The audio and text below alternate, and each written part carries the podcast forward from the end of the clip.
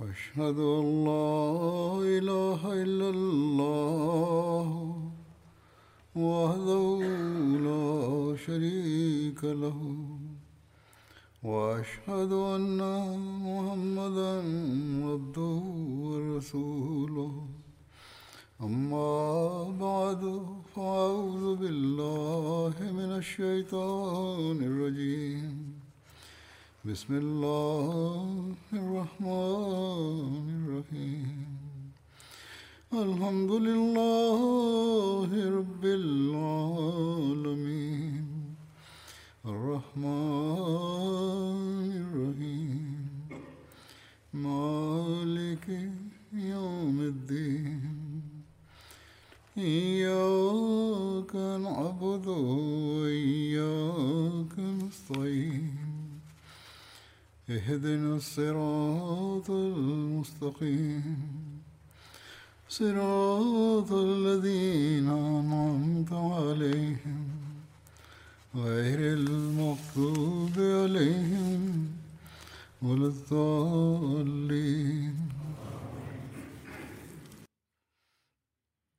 لا زلت أبين مناقب سيدنا أبي بكر الصديق رضي الله عنه. وسوف أتحدث عنها اليوم أيضا. عن عائشة رضي الله عنها قالت لعروة بشأن قول الله تعالى الذين استجابوا لله والرسول من بعد ما أصابهم القرح للذين أحسنوا منهم واتقوا أجر عظيم. يا ابن أختي كان أبواك منهم الزبير وأبو بكر.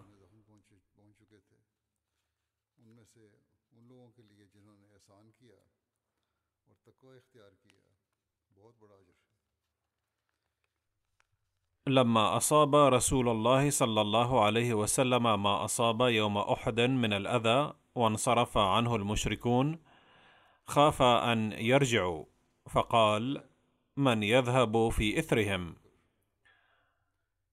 فانتدب منهم سبعون رجلا. قال عروة كان فيهم أبو بكر والزبير.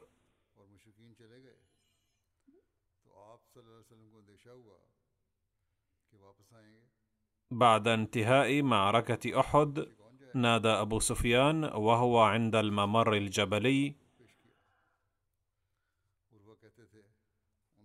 سوف نلقاكم ونقاتلكم في بدر في هذه الأيام من العام القادم.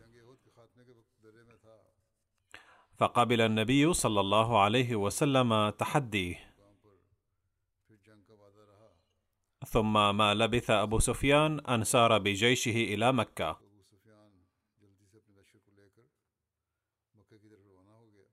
ويذكر حضرة ميرزا بشير أحمد عن الأحداث التالية ويقول فأخذ النبي صلى الله عليه وسلم المزيد من الحذر فما لبث أن بعث وراء جيش قريش جماعة من سبعين من صحابته بمن فيهم أبو بكر والزبير. هذا ما ورد في رواية البخاري. أما عامة المؤرخين فقالوا أن النبي صلى الله عليه وسلم بعث في هذا الجيش عليا أو سعد بن أبي وقاص رضي الله عنهما. وقال اذهبوا واستطلعوا ما إذا كان جيش قريش ينوي الهجوم على المدينة. وقال صلى الله عليه وسلم لهم أيضا إن كانت قريش على الجمال دون الخيول فاعلموا أنهم متجهون إلى مكة ولا يريدون الإغارة على المدينة. وإن كانوا على الخيل فاعلموا أنهم ينوون بنا الشر. وأمرهم النبي صلى الله عليه وسلم بأن قريشا إن كانوا يتوجهون نحو المدينة فليخبروه على الفور. وقال النبي صلى الله عليه وسلم بكل حماس إن هجمت قريش على المدينة الآن فوالله سوف نقاتلهم ونذيقهم الخزي عقابا على هجومهم. فذهب هؤلاء القوم بحسب أوامر النبي صلى الله عليه وسلم ورجعوا بسرعة يخبرونه بأن جيش قريش عائد إلى مكة. عن أنس بن مالك قال قال أبو بكر بعد وفاة رسول الله صلى الله عليه وسلم لعمر انطلق بنا إلى أم أيمن نزورها كما كان رسول الله صلى الله عليه وسلم يزورها. قال أنس فلما انتهينا إليها بكت. فقالا لها ما يبكيك؟ فما عند الله خير لرسوله. قالت إني لأعلم أن ما عند الله خير لرسوله. ولكن أبكي أن الوحي قد انقطع من السماء. قال أنس فهيجتهما على البكاء فجعلا يبكيان معها.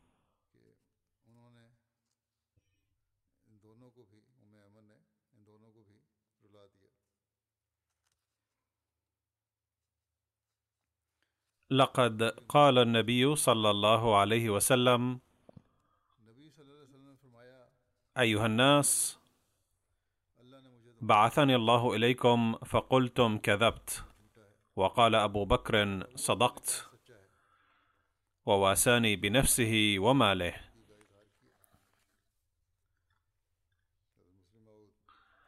وقال حضرة المصلح الموعود رضي الله عنه كان سيدنا أبو بكر رضي الله عنه هو الوحيد الذي يمكن أن يقول بحقه الرسول صلى الله عليه وسلم كل واحد منكم كفر بي إلا أبا بكر فهو الوحيد الذي لم أرى منه عوجا. عندما كان صلح الحديبية يعقد بين النبي صلى الله عليه وسلم وقريش مكة رد النبي صلى الله عليه وسلم أبا جندل إلى مكة طبقا لشروط المعاهدة. فصار المسلمون في هياج شديد. قال حضرة صاحب زاد مرزا بشير أحمد وهو يتحدث عن هذا الأمر كان المسلمون يرون هذا المشهد وهم مستشيطون غضبا بسبب غيرتهم الدينية. إلا أنهم لزموا الصمت مهابة للرسول صلى الله عليه وسلم. ولكن سيدنا عمر لم يتمالك نفسه في النهاية. فاقترب من النبي صلى الله عليه وسلم وقال بصوت مرتعش ألست رسول الله حقا؟ قال صلى الله عليه وسلم بلى. قال عمر ألسنا على الحق وعدونا على الباطل؟ قال صلى الله عليه وسلم بلى. قال عمر ففيما نعطي الدنية في ديننا الحق؟ فأجابه النبي صلى الله عليه وسلم إجابة قصيرة نظرا إلى حالته وقال يا عمر إني رسول الله وأنا أدرى بمشيئة الله تعالى ولا يمكن أن أخالفها. وهو وليي وناصري. ومع ذلك لم يهدأ طبع عمر الثائر بل ازداد هياجا فقال ألم تقل لنا أننا سنطوف ببيت الله؟ قال النبي صلى الله عليه وسلم نعم لا شك أني قلت ذلك لكني متى قلت بأننا سنطوف بالبيت هذا العام حتما؟ قال عمر نعم لم تقل هذا. فقال النبي صلى الله عليه وسلم عليك أن تنتظر. سوف تدخل مكة وستطوف بالكعبة إن شاء الله تعالى. فلم يطمئن عمر بهذا الجواب لشدة حماسه غير أنه ذهب من عند النبي صلى الله عليه وسلم لما آتاه الله من هيبة وجاء متغيظا إلى أبي بكر وتكلم معه بنفس النبرة الحماسية. فرد عليه أبو بكر بمثل رد النبي صلى الله عليه وسلم وقال له ناصحا يا عمر عد لصوابك. ولا تدع يدك تضعف في الاستمساك بركاب رسول الله صلى الله عليه وسلم. فوالله إن الذي قد وضعنا أيدينا في يده لصادق في كل حال. قال عمر رضي الله عنه لقد تكلمت بتلك الكلمات عندها من فورة حماسي لكني ندمت عليها فيما بعد ندما شديدا. فظللت أقوم بأعمال نافلة كثيرة توبة مني لأمحو بها وصمة هذا الضعف الذي ظهر مني. أي أنه رضي الله عنه صام نفلا وصلى نفلا وفك الرقاب نفلا لكي تمحى وصمة ذلك الضعف. لقد كتب حضرة المصلح الموعود رضي الله عنه أيضا متحدثا عن هذا الحادث ذات مرة قال النبي صلى الله عليه وسلم لأصحابه: لقد أمرتكم أوامر شتى، وقد وجدت أحيانا روح الاحتجاج عليها حتى في أخلص المخلصين منكم إلا أني لم أرى ذلك في أبي بكر. وبالفعل نجد أنه عند صلح الحديبية أصيب شخص مخلص مثل سيدنا عمر أيضا بالقلق، حتى ذهب في اضطرابه هذا إلى أبي بكر رضي الله عنهما وقال له: ألم يعدنا الله تعالى بأننا سنعتمر بالبيت؟ فقال أبو بكر نعم لقد وعدنا الله بذلك. قال عمر ألم يعدنا الله تعالى بالنصر والتأييد؟ قال أبو بكر نعم. قال عمر فهل قمنا بالعمرة؟ قال أبو بكر يا عمر متى وعدنا الله تعالى بالعمرة في هذا العام نفسه؟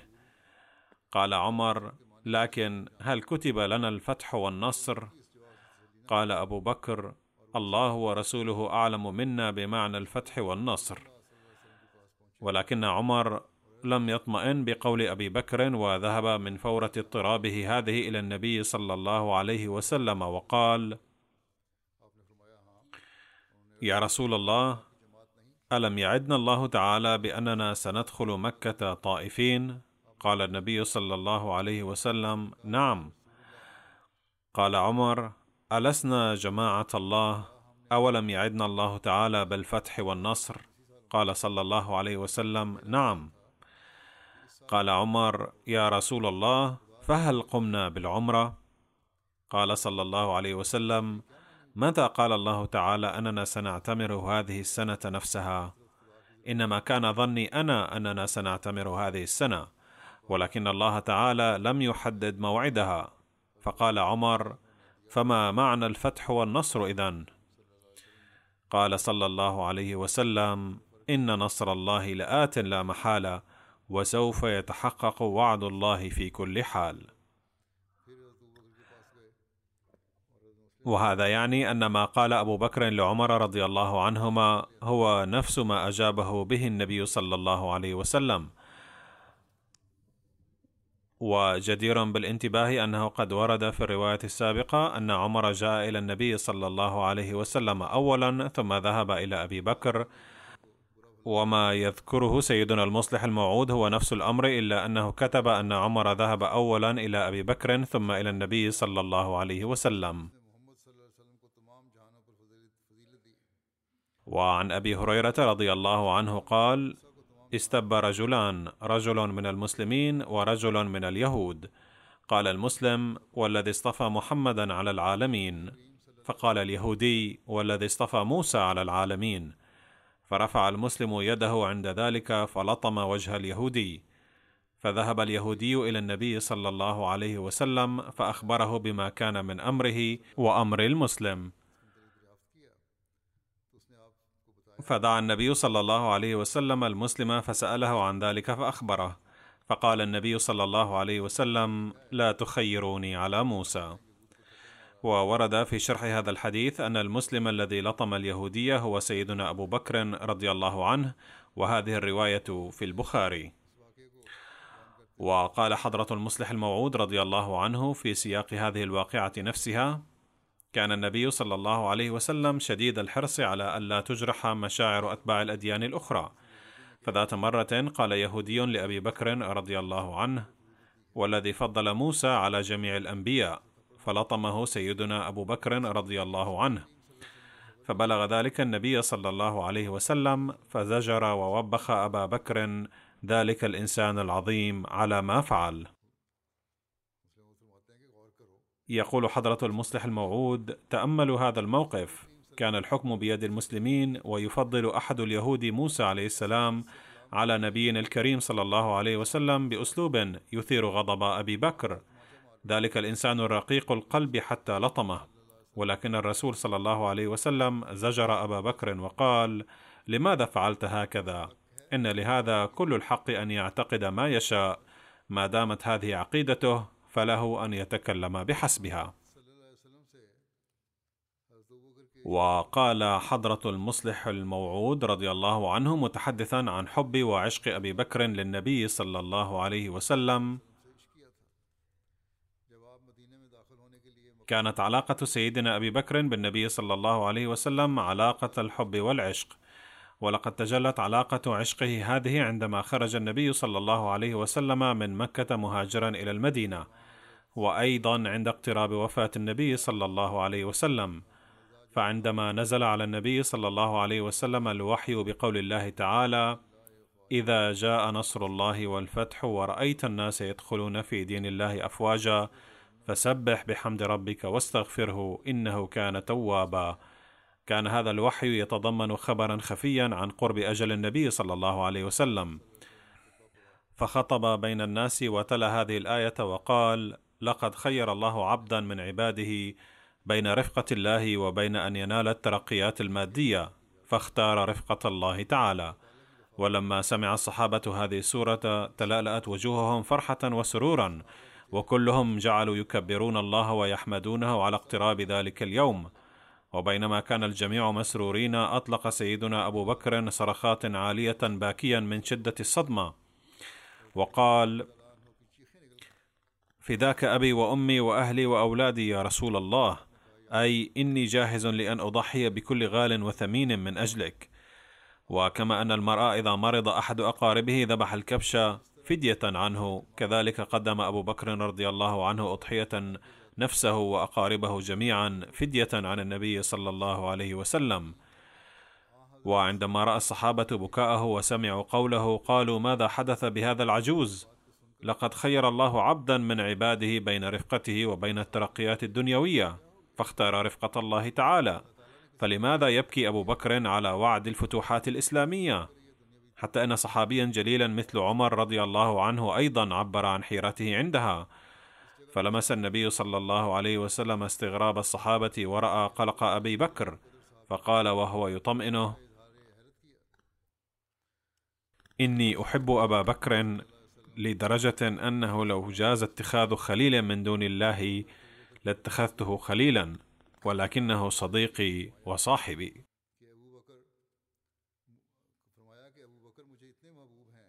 ثم قال صلى الله عليه وسلم سدوا عني كل خوخة في هذا المسجد غير خوخة أبي بكر. وهكذا أشاد النبي صلى الله عليه وسلم بما كان أبو بكر يكنه له من حب وعشق لأن عشقه كان كاملا فطن به إلى أن نبأ الفتح والنصر هذا يخفي في طياته خبر وفاة النبي صلى الله عليه وسلم. فقدم أبو بكر نفسه وأقاربهم جميعا فدية للنبي صلى الله عليه وسلم أي قال فلنمت جميعا وليحيى النبي صلى الله عليه وسلم.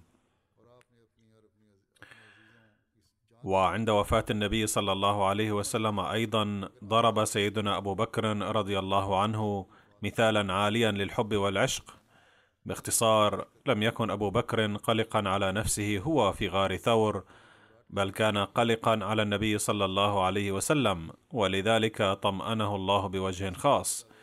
وفي كل موضع أبدى فيه القلق إنما كان بسبب عشقه للنبي صلى الله عليه وسلم. قال حضرة المصلح الموعود رضي الله عنه ورد في الحديث أنه ذات يوم في عهد الرسول صلى الله عليه وسلم تشاجر أبو بكر وعمر ذات مرة واحتدم الكلام بينهما. وكان سيدنا عمر حاد الطبع فأراد أبو بكر الانصراف مخافة أن يشتد الخصام عبثا. فتقدم عمر وأخذ بقميصه وقال له يجب أن تجيب على ما قلت لك.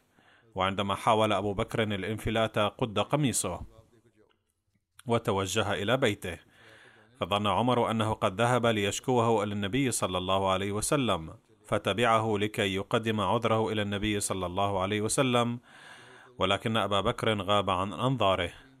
فظن عمر أن أبا بكر قد ذهب إلى النبي صلى الله عليه وسلم لشكايته فذهب عمر راسا إلى النبي صلى الله عليه وسلم. ولكنه لم يجد أبا بكر هناك ولأن عمر كان قد ندم على ما حصل فبدأ يقول للنبي صلى الله عليه وسلم يا رسول الله لقد أخطأت بحق أبي بكر وقسوت عليه ولم يكن الخطأ منه بل كنت أنا المخطئ.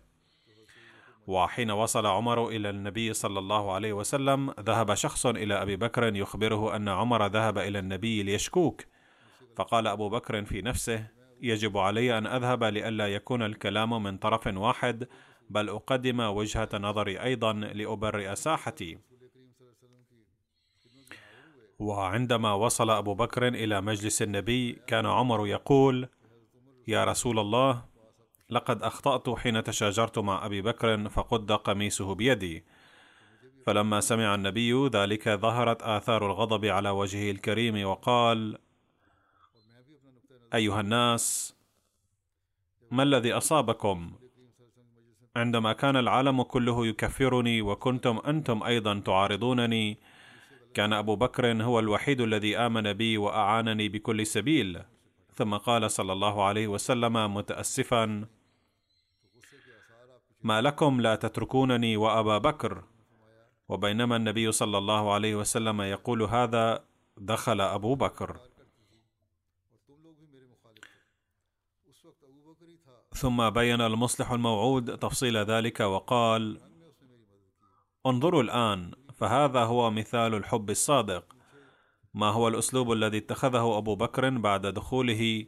فيمهد المصلح الموعود لبيان ذلك ويقول هذا هو العشق الحقيقي أنه بدلا من أن يعذر نفسه ويقول يا رسول الله لم يكن ذنبي في ذلك بل كان الحق على عمر. حين لاحظ نشوء العتاب في قلب النبي صلى الله عليه وسلم لم يطق على سيرة عاشق صادق أن يتأذى النبي صلى الله عليه وسلم بسببه وجثى على ركبتيه أمام النبي صلى الله عليه وسلم فور دخوله وقال يا رسول الله الخطأ مني وليس من عمر.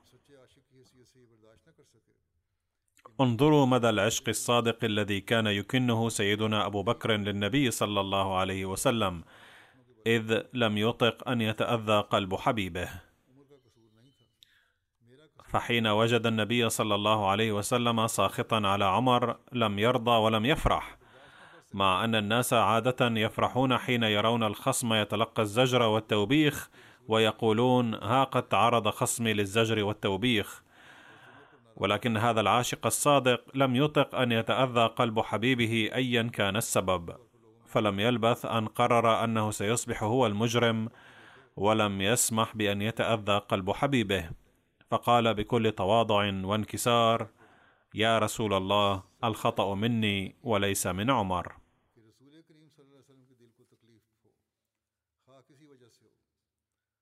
يقول المصلح الموعود رضي الله عنه فما دام سيدنا أبو بكر رضي الله عنه يقر بأنه هو الظالم رغم كونه مظلوما وذلك لكي يخفف عن النبي صلى الله عليه وسلم وكي لا يتألم قلبه فكيف يمكن للعبد المؤمن ألا يعمل ابتغاء مرضات الله عملا يقربه من رضوان الله تعالى؟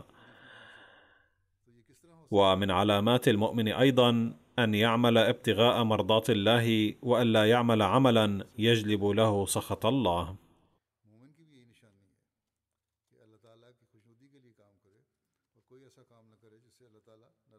قال حضرة المصلح الموعود رضي الله عنه في موضع آخر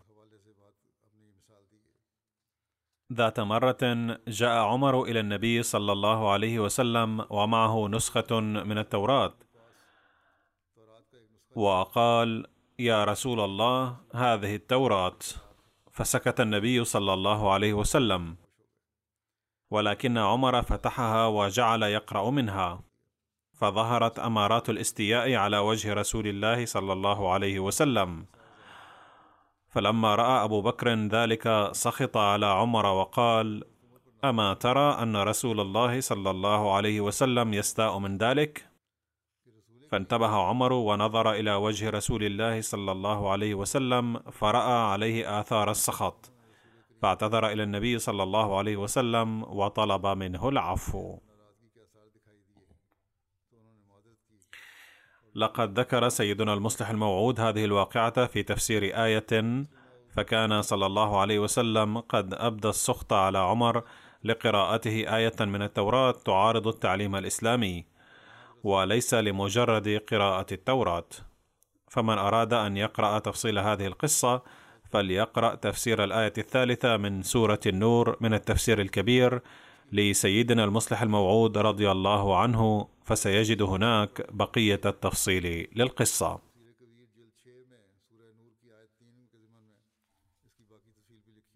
يقول سيدنا المصلح الموعود رضي الله عنه ليس أدل على شدة حرص الصحابة لاتباع الرسول الكريم صلى الله عليه وسلم مما فعل سيدنا أبو بكر. لما رفضت بعض قبائل العرب أداء الزكاة بعد وفاة الرسول صلى الله عليه وسلم استعد أبو بكر لقتالهم. ولكن أوضاع البلاد كانت حرجة جدا حتى أن انسانا شجاعا مثل عمر أيضا أشار على أبي بكر بالرفق بمنكري الزكاة. فأجابه أبو بكر ما كان لابن أبي قحافة أن يلغي ما أمر به الرسول صلى الله عليه وسلم.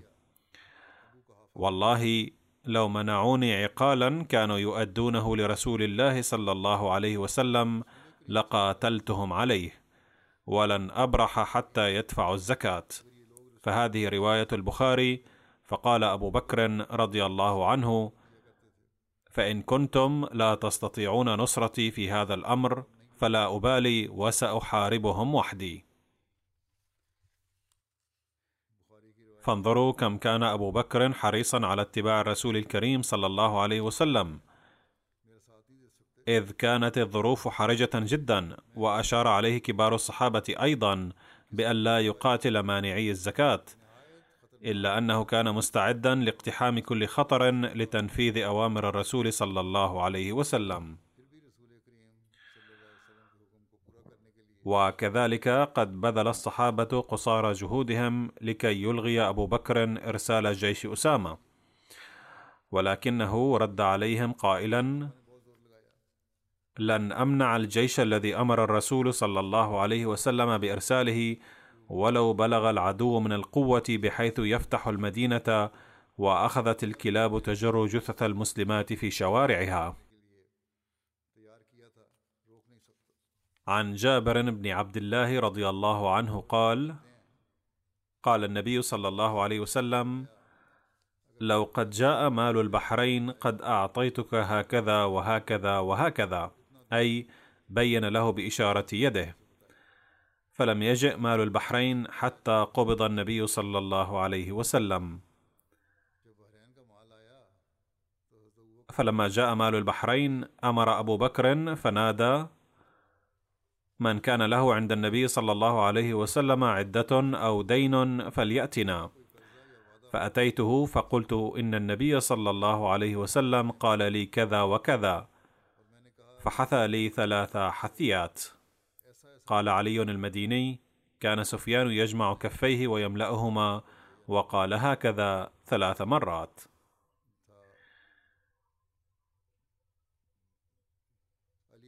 عن أبي سعيد الخدري رضي الله عنه قال سمعت منادي أبي بكر ينادي بالمدينة حين قدم عليه مال البحرين من كانت له عدة عند رسول الله صلى الله عليه وسلم فليأتي. فيأتيه رجال فيعطيهم. فجاء أبو بشير المازني فقال إن رسول الله صلى الله عليه وسلم قال يا أبا بشير إذا جاءنا شيء فأتنا. فأعطاه أبو بكر حفنتين أو ثلاثا فوجدها الفا وأربعمائة درهم.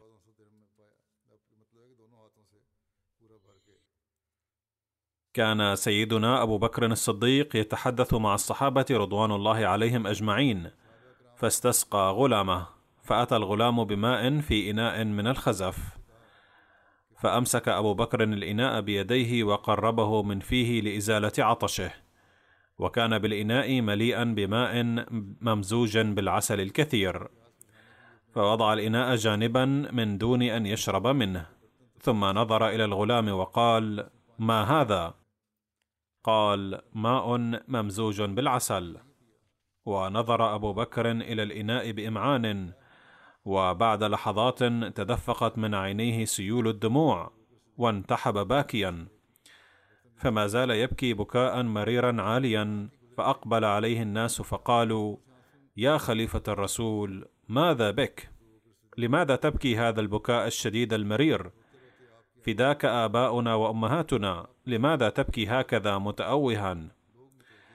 ولكن أبا بكر رضي الله عنه ظل يبكي حتى بكى من حوله حتى انتهى بكاؤهم ولكنه لم يتوقف عن البكاء. ثم حين توقفت دموعه قليلا قالوا له يا خليفة رسول الله ما هذا البكاء وما الذي هيجك عليه؟ فمسح دموعه بطرف ثوبه وتمالك نفسه وقال بين أنا ذات يوم عند النبي صلى الله عليه وسلم في أيام مرضه الأخير إذ رأيته وكأنه يدفع عن نفسه بيده شيئا لم أره وكان يقول بصوت ضعيف إليك عني إليك عني فنظرت حوله فلم أرى شيئا فقلت يا رسول الله ما الذي تدفعه عن نفسك ولا أرى شيئا؟ فتوجه إلي النبي صلى الله عليه وسلم وقال يا أبا بكر هذه الدنيا التي تطاولت لي بكل زينتها ونعمها أي قد رأى صلى الله عليه وسلم ذلك في الكشف فقلت لها إليك عني إليك عني فابتعدت عني قائلة أما إنك صلى الله عليه وسلم لئن انفلت مني فلن ينفلت مني من بعدك. فهز أبو بكر رضي الله عنه رأسه مضطربا وقال بصوت حزين لقد خفت بسبب هذا الماء الممزوج بالعسل أن تكون الدنيا قد أدركتني فهو الذي هيجني على البكاء والنحيب وكانت خشيته لله تعالى قد بلغت هذا الحد. وجد المسلمون رداء في غنائم فتوحات العراق وقام خالد بن الوليد باستشارة جيشه وأرسله إلى سيدنا أبي بكر هدية له. لكنه لم يرضى بقبول هذه الهدية ولم يعطها لأحد من أقاربه بل أهداها للإمام الحسين رضي الله عنهما وللحديث بقية أتناولها في المستقبل. والآن أريد أن أذكر نبذة وجيزة لمرحومين وسأصلي عليهما صلاة الغائب أيضا بعد صلاة الجمعة بإذن الله. الذكر الأول هو للمرحوم سميع الله سيال الذي كان يعمل كوكيل الزراعة في مؤسسة التحريك الجديد. وقد توفي بقدر الله وقضائه عن عمر يناهز تسعة وثمانين عاما. إنا لله وإنا إليه راجعون. كان مشتركا في نظام الوصية بفضل الله تعالى. كان اسم والده السيد رحمة الله سيال. وقد دخلت عائلته الجماعة الإسلامية الأحمدية بواسطة والد المرحوم السيد رحمة الله سيال الذي بايع في عهد سيدنا الخليفة الثاني رضي الله عنه في عام 1938 عندها كان المرحوم بالغا من العمر أربعة أعوام وعندما علمت والدته بذلك تركت زوجها وغادرت البيت آخذة المرحومة سميع الله سيال معها. ذكر هذا الأمر لسيدنا الخليفة الثاني رضي الله عنه فأمر والد المرحوم أن يرفع القضية في المحكمة ويستعيد ابنه ففعل واستعاد الولد. وبذلك جاء المرحوم سميع الله تحت كفالة والده الذي تكفله ورباه بنفسه. لقد استشهد والد المرحوم في أثناء الاضطرابات الدائرة في البنجاب الشرقي. عندها حاول أقارب المرحوم غير الأحمديين أن يبعدوه عن الأحمدية ويعيدوه إليهم. ولكن المرحوم لم يترك الأحمدية. نال شهادة الثانوية في عام 1949 في مدرسة تعليم الإسلام الثانوية ثم نال شهادة البكالوريا في عام 1954 في كلية تعليم الإسلام. وفي عام 1956 نال شهادة الماجستير في مادة الإحصائيات في الكلية الحكومية في لاهور ترك المرحوم وراءه ابنين أحدهما طبيب ويسكن في كندا والثاني اسمه افتخار الله سيال ويعمل كواقف الحياة في مؤسسة التحريك الجديد في ربوة. في عام 1949 نذر المرحوم سميع الله حياته وتقدم للامتحان والمقابلة الشفوية لهذا الغرض مثل بقية الواقفين لحياتهم. وكان المصلح الموعود رضي الله عنه رتب ورقة الامتحان بنفسه بعد ذلك التحق بكلية تعليم الإسلام بلاهور للدراسة العليا ونال شهادة البكالوريوس في العلوم ثم الماجستير في مادة الإحصاء في عام 1953 عين في مكاتب الجماعة لأول مرة وظل يعمل في دوائر مختلفة. ووفق للخدمة في سيراليون من عام 1960 إلى عام 1963 وفي عام 1983 عينه سيدنا الخليفة الرابع رحمه الله وكيلا للزراعة والصناعة والتجارة. وعمل كوكيل الديوان من عام 1988 إلى عام 1999 ومن عام 1999 إلى عام 2012 وفق للخدمة كوكيل للزراعة والصناعة والتجارة وظل يعمل على هذا المنصب إلى وفاته. تمتد مدة خدمته للجماعة على 69 عاما وإضافة إلى الخدمات المذكورة كان عضوا في عدة لجان في مؤسسة صدر أنجمن أحمدية ومؤسسة التحريك الجديد وكان مديرا أيضا في بعض الشركات المسجلة كذلك وفق للخدمة في مجلس خدام الأحمدية أيضا على مناصب مختلفة إلى مدة طويلة. تقول زوجته السيدة أمة الحفيظ سيال: لقد وجدت في حياتنا الزوجية الممتدة على 64 عاما أن المرحوم كان رجلا صالحا جدا ومتوكلا على الله ومحبا جدا. كان يؤثر الآخرين على نفسه وعلى أعماله وكان يقدم أوامر خليفة الوقت على كل شيء. لقد نصحني في بداية زواجنا وقال أنا واقف الحياة وإن زوجة واقف الحياة تكون واقفة مثله. كان كثير الاهتمام بالفقراء ومضيافا إلى درجة كبيرة. يقول ابنه السيد افتخار الله سيال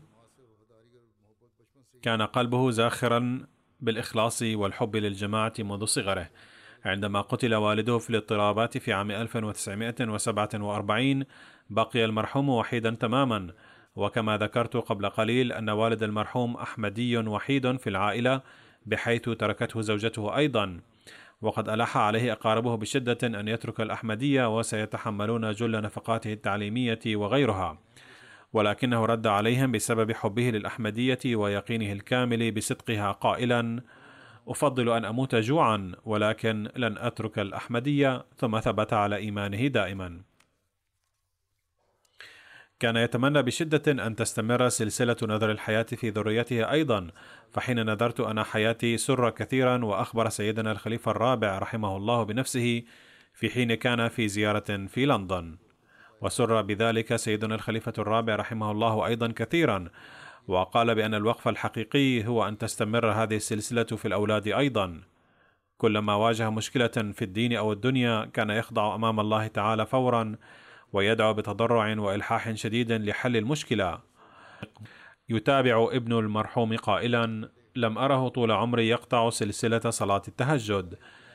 كان يساعد الفقراء بكل ما في وسعه وبعد وفاته جاءني كثير من المعزين وقالوا لي بوجه خاص كنا نأتي إلى المرحوم فورا كلما احتجنا إلى النقود لضرورة ما. وكان يساعدنا دوما وفي بعض الأحيان كانت هناك مشكلة في البيت ومن ناحية ثانية كانت هناك فرصة لخدمة الجماعة. فكان المرحوم يخرج لخدمة الجماعة مفوضا المشاكل العائلية إلى الله تعالى.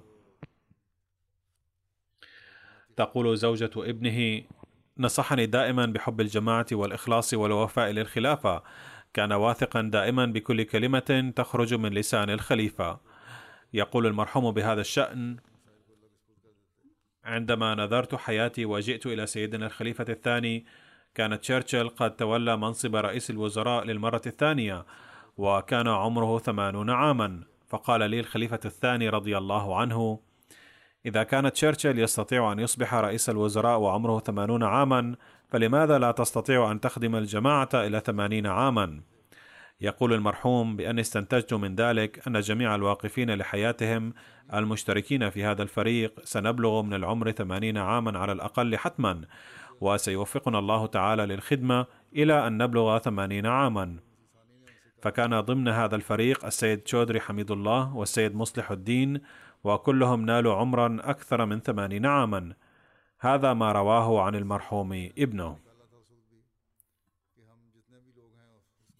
وتقول زوجة ابن المرحوم كنت صغيرة السن حين توفي والدي والحق أنني حظيت بحب الوالد بصورة حمي.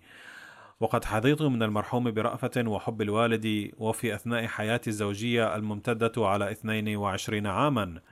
كان مخلصا صادقا للأحمدية ومحبا حقيقيا للخلافة.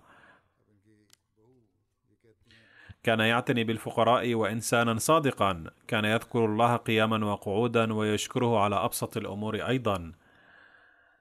لعب دورا كبيرا في تربية أولادي وكان يوجههم إلى تعلم ترجمة معاني القرآن الكريم وإلى قراءة كتب المسيح الموعود عليه السلام وكان يمتحنهم أيضا.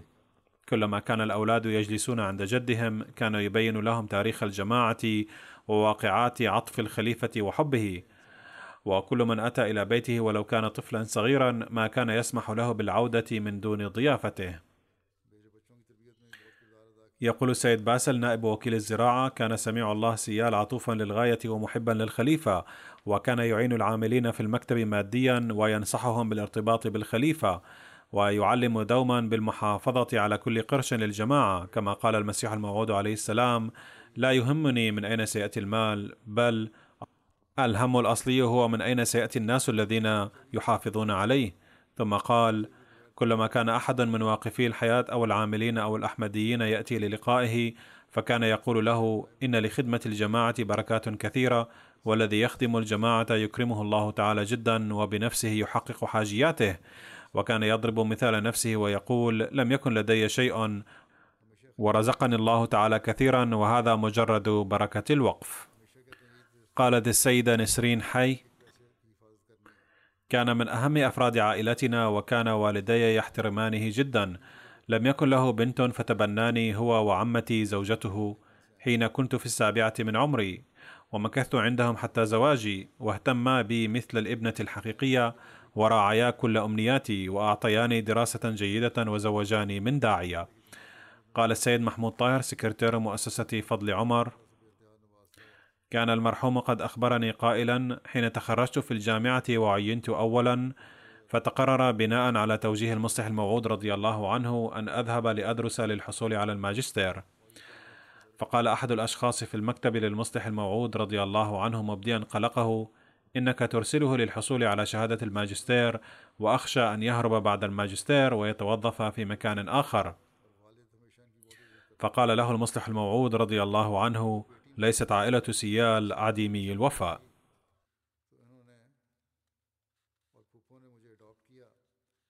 قال السيد عمران بابر واقف الحياة والمشرف على عقارات التحريك الجديد.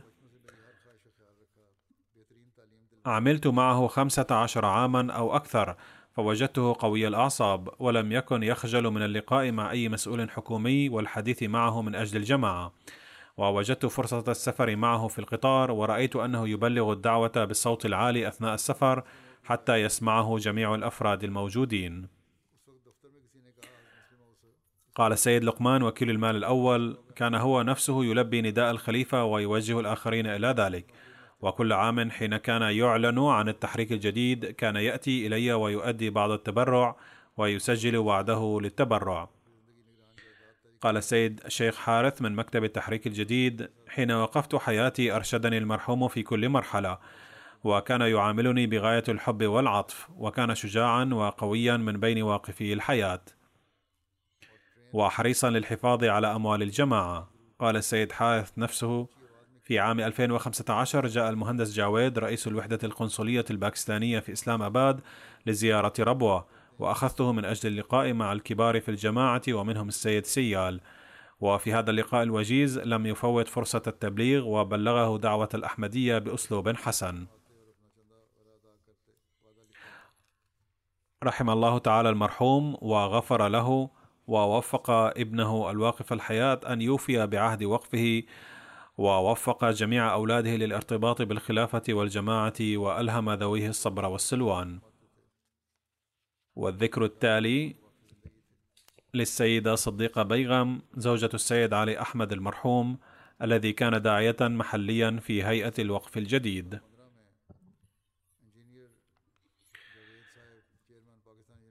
توفيت عن عمر يناهز خمسة وثمانين عاما. إنا لله وإنا إليه راجعون.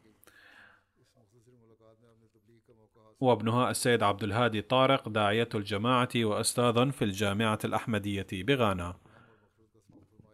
ولدت في مكان قريب من قاديان وتوفي والدها السيد عبد الرحمن في عام 1944 في عهد شبابه.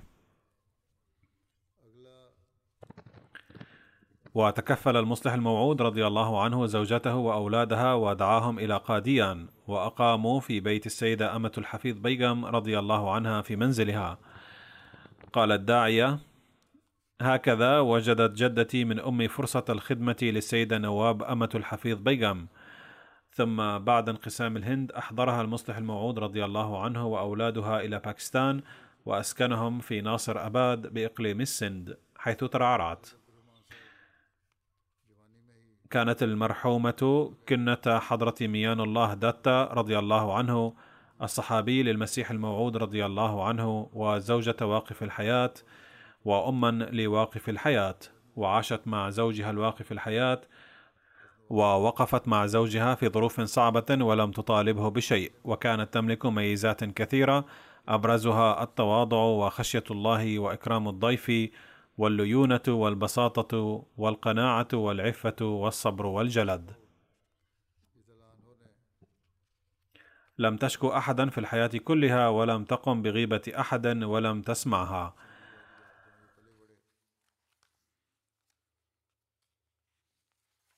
وعاملت الأقارب والأجانب جميعا بالحب والإخلاص. وكانت ملتزمة بالصلوات الخمس والتهجد وتلاوة القرآن الكريم. وفي آخر أيامها حين صعب عليها أداء الصلوات بشكل كامل بسبب المرض فكانت تدعو الله تعالى أن يرزقها صحة وقوة لدرجة تمكنها من أداء الصلاة بشكل صحيح. وتركت في ذويها ابنتين وثلاثة أبناء.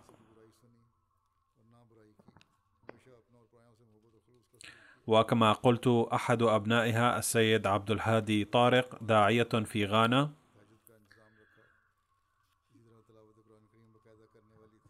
ولم يستطع أن يحضر جنازتها لكونه في ميدان العمل.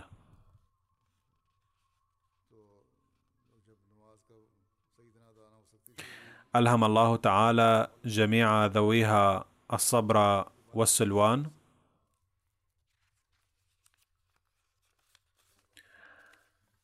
ووفقهم لمواصلة حسناتها.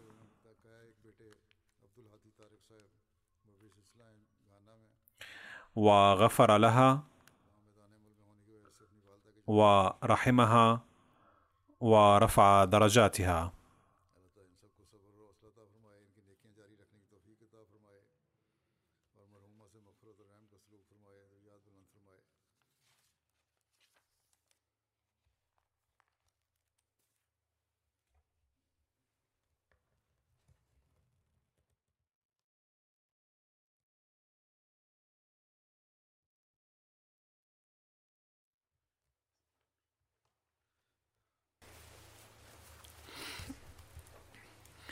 الحمد لله الحمد لله نحمده ونستعينه ونستغفره ونؤمن به ونتوكل عليه.